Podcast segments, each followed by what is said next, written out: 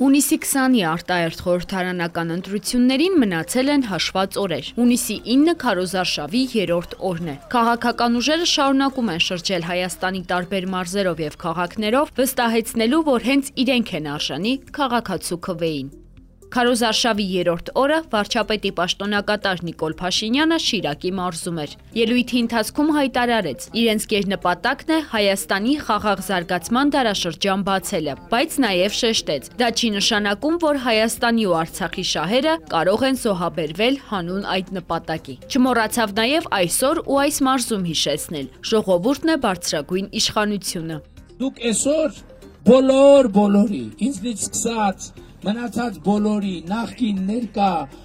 գործող, չգործող բոլոր պաշտոնյաների եւ հավակնորդների ճակատագիրը որոշելու եք։ Բայց այս ամենի հետ մեկտեղ Փաշինյանը նաև պահանջ ուներ։ Որևէ մեկը, որևէ մեկը իրավունք չունի քաղաքացու կամքի վրա ապօրինի հարկադրանք գործադրի։ Վերջում կրկին շեշտեց, քաղաքացու կայացրած ցանկացած որոշում իր համար վերջնական է եւ անբեկանելի, բայց ինքը հույս ունի, որ քաղաքացու քվեն իրենցն է լինելու, որովհետեւ Հայաստանի Հանրապետությունում ապագա կա։ Ապագա կա։ Ապագա կա։ Պատիվ ունեմ դաշինքն այսօր ասուլիսի ձևաչափներ ընտրել։ Դաշինքի ներկայացուցիչ Էդուարդ Շարմազանովը ելույթի սկզբում բոլորի ուշադրությունը հրավիրեց հետևյալի վրա։ ակնհայտ է մի բան, որ իշխանությունը, ռեժիմը կապիտուլյան թողարկուի դեպքավորությամբ ոգևարքի մեջ է։ Որպես ապացույց բերեց Փաշինյանի ու իր քաղաքական թիմի իրենց կարծիքով անհավասարակշիռ, զգացմունքային, ոչ մարդկային ելույթներն ու բռնություն պարունակող կոչերը։ Զերծ չմնաց նաև գնահատական տալուց։ Կապիտուլյանտը սերընթաց գահավիժում է։ Նրա վարկանիշը գահավիժում է։ Շարմազանովը նաև հիշեց, Փաշինյանը երբեք թթու խոսք չի ասել Ալիևի հասցեին, բայց Արցախն ազատագրած Արցախի հերոսներին տղամարդկության մարտահրավեր է նետում ու որոշեց այսպես պատասխանել։ Հա, նապաստակը առուստերին չի կարա չելենջանի, այ ինքը։ Դա լրջացի։ Մենք չենք մտնելու ակնական վիրավորանքի այդ պլիսուսից ներքև ոչ քաոս արշավի։ Մեր խնդիրն է բացել մեր հասարակության աչքին։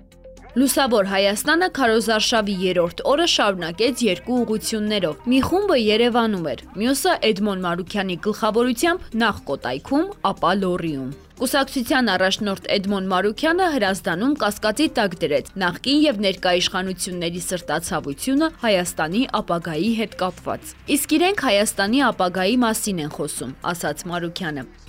Քարոզչության երրորդ օրն է Վերջին երկու օրերի ընթացքում այնպիսի բաներ ենք լսել.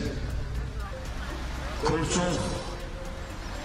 իշխանության տեխնացուից, նախկին նախագահներից, ինչպես են նրանք մեկը մյուսին անվանարկում, երես այդտեղ չեմ տեսնում Հայաստանի ապագայի մասին քննարկում։ Երևանում քարոզարշավ անցկացնող Գևորգ Գորգիսյանին էլ քարոզարշավի ներկա ընթացքը չէր գոհացրել։ Յուրաքանչյուր կողմ իր ճիշտը համարում է բացարձակ, նշեց Գորգիսյանը, եւ պատրաստ է մինչև վերջ գնալ դա ի վերջո վերածվել է քաղաքացիների միջև բախումների, բայց այդ ատելության գեներացնողները իրենց թիկնազորով իրենց պարիսպների հետևում հանգիստ նստած են։ Երևանի վարչական շրջաններից մեկի Բաքում էլ համոզմունք հայտնեց, որ քաղաքացիներին շատերը կասեն, որ իրենք պետք է ընտրեն վատի ու վատագույնի մեջ, սևի կամ սպիտակի մեջ, բայց Լուսավոր Հայաստանը ասում է, որ դա սուտ է։ Լուսավոր Հայաստանը ասում է, որ կա այլ ընդրանք։ Հայաստան դաշինքն ընտրարշավի երրորդ օրն արդեն Երևանում է։ Երևանյան քարոզարշավի մեկնարկը տրվեց նոր նորքից։